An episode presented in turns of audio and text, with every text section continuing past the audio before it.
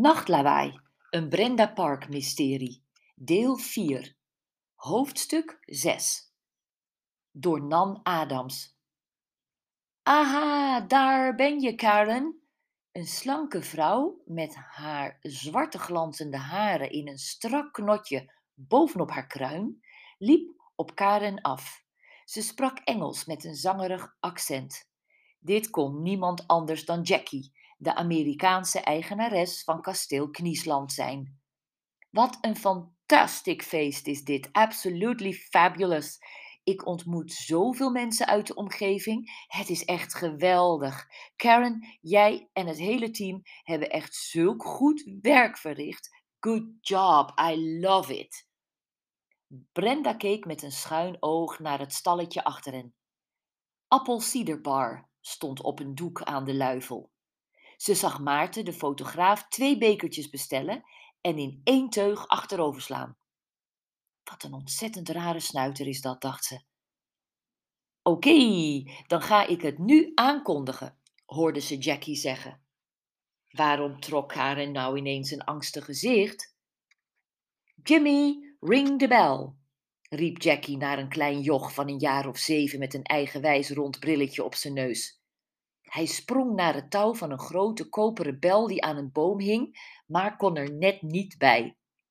Zijn evenbeeld, maar dan een slag groter, rende naar de jongen toe en tilde hem zo goed en zo kwaad als het ging omhoog. Klang, klang! De klepel raakte de klok.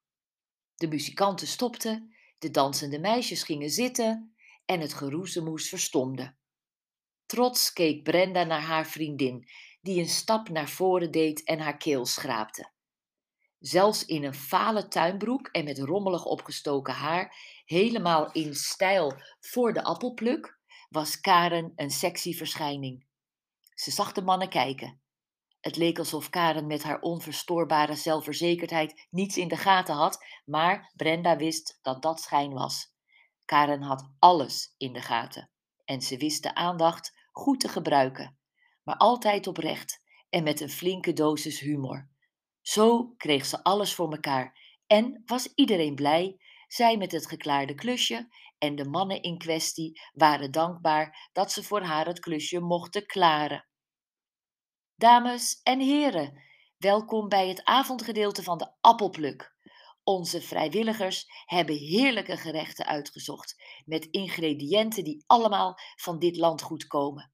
Laat het u smaken en vergeet u niet onze biologische cider te proeven. En dan geef ik nu het woord aan Jackie. Zij en haar gezin zijn begin september op het kasteel komen wonen. Ze spreekt nog geen Nederlands, maar heeft een bijzondere verrassing. Karen liet een stilte vallen. En toen er geen applaus opklonk, gebaarde ze naar Jackie en deed een stap terug. Waarom keek je net zo bezorgd toen je met haar praatte? vroeg Brenda. Oh, deed ik dat? Nou, luister maar wat Jackie wil doen.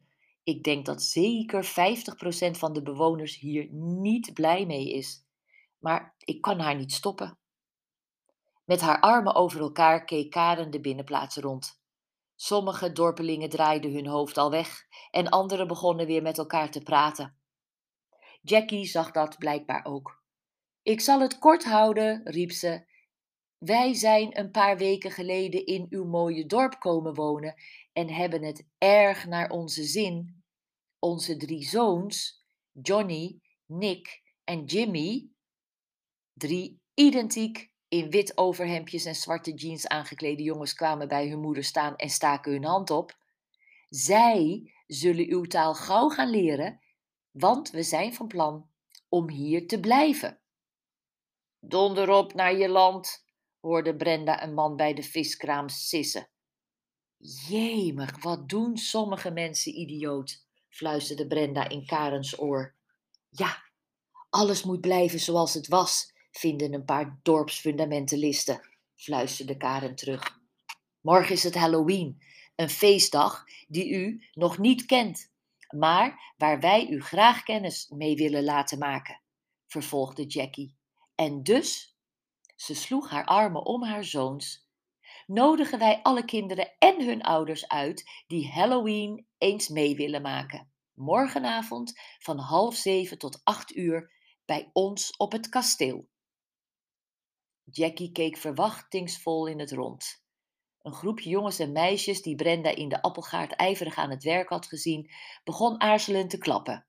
Aan hun gezichten te zien hadden ze wel zin in een spannend spookfeestje. De man bij de viskraam siste weer iets. Idioterie, stond erop. Zoals u misschien weet, is Halloween niet voor mensen met een zwak hart. Het kan er behoorlijk spookachtig aan toegaan en dat zal u ervaren. Kasteel Kniesland wordt kasteel Griezelland, maar u wordt ook beloond met een zak snoep en een hartverwarmende soep van mais van dit land. Schrijft u als reservering alstublieft uw naam en telefoonnummer op het papier dat op de tafel ligt bij de uitgang en komt u vooral verkleed. Mijn jongens kunnen u er alles over vertellen. Ze sloeg haar handen verheugd ineen. Dank u wel. Karen begon te klappen. Brenda volgde haar voorbeeld. De jongelui deden nu ook voluit mee. Brenda zag Jackie glunderen. Vrijwel iedereen gaf haar een applaus, al dan niet beleefd. Iedereen, behalve de boze man bij de vis en, viel Brenda op, Maarten, de fotograaf. Hij keek alleen maar stuurs voor zich uit. Het orkestje zette weer een vrolijke polka in.